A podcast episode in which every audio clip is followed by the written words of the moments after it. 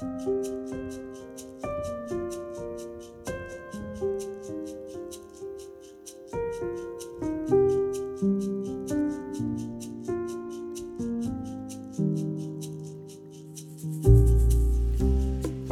lytter.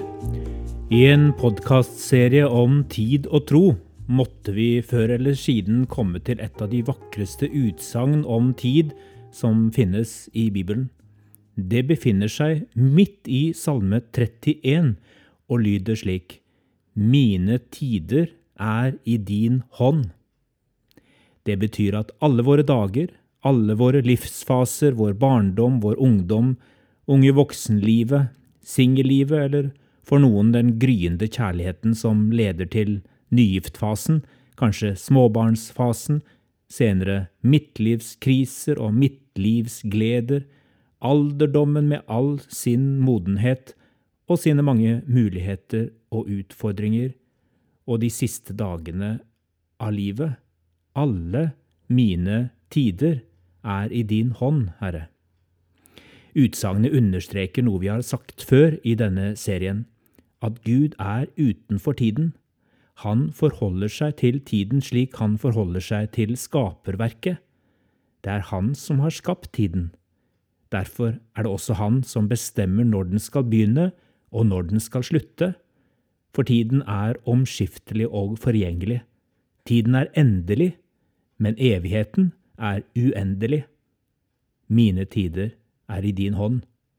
Samtidig er det slik at dette utsagnet bare er første del av en større setning, og det står i en større sammenheng.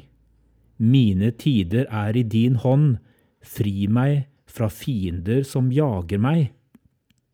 Så er altså ordene om tid i Salme 31 ikke ment som vakker livsfilosofi, et glass vin man nipper til i avslappet selskap.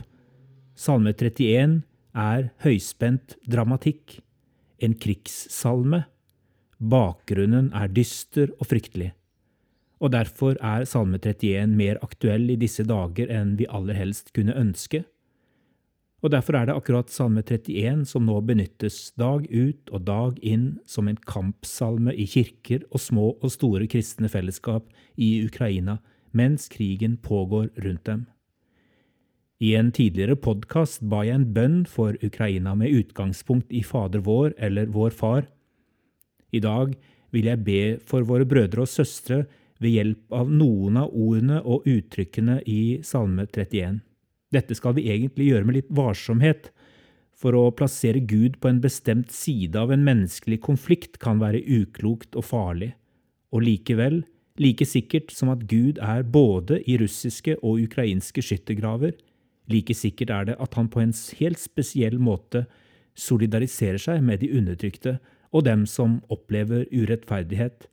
Derfor vil jeg i dag bruke Salme 31 og legge inn Ukraina konkret i denne bønnen, for jeg syns selv det er vanskelig å formulere mine egne ord i denne fryktelige situasjonen. La oss be med Salme 31. Herre, vi søker tilflukt hos deg La oss aldri bli til skamme. Fri oss ut i din rettferdighet. Vend øret til oss, skynd deg og redd oss. Vær for oss et vern, en klippe, en borg til frelse.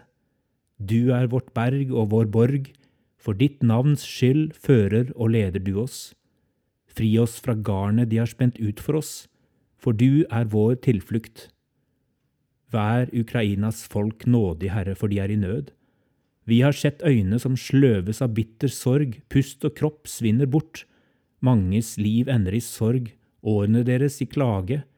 Som en død kjenner mange i Ukraina seg, glemt av mennesker, lik et kar som er kastet bort, for de hører mange som hvisker, og redsel på alle kanter når de samler seg mot dem og legger planer om å ta deres land.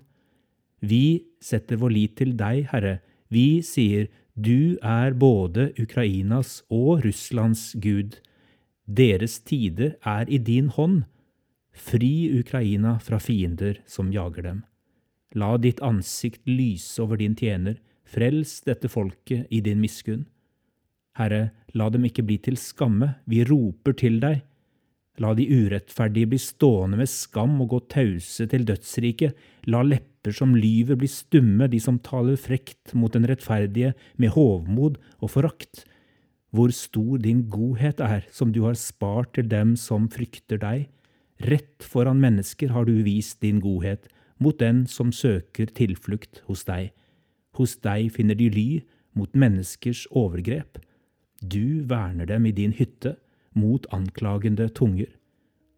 Og så de siste ordene i bønnen, en håpserklæring som vi enda ikke ser oppfylt, men som vi proklamerer i tro og tillit. Velsignet er Herren som gjør under. Han viste Ukrainas folk miskunn i en beleiret by. Folk sa i sin angst, vi er støtt bort fra dine øyne, men du hørte deres bønn da de ropte til deg. Elsk Herren alle hans fromme. Herren verner de trofaste, men den hovmodige gir han igjen i fullt mål. Vær modige og sterke, alle dere som venter på Herren. Deres tider er i Guds hånd. Amen.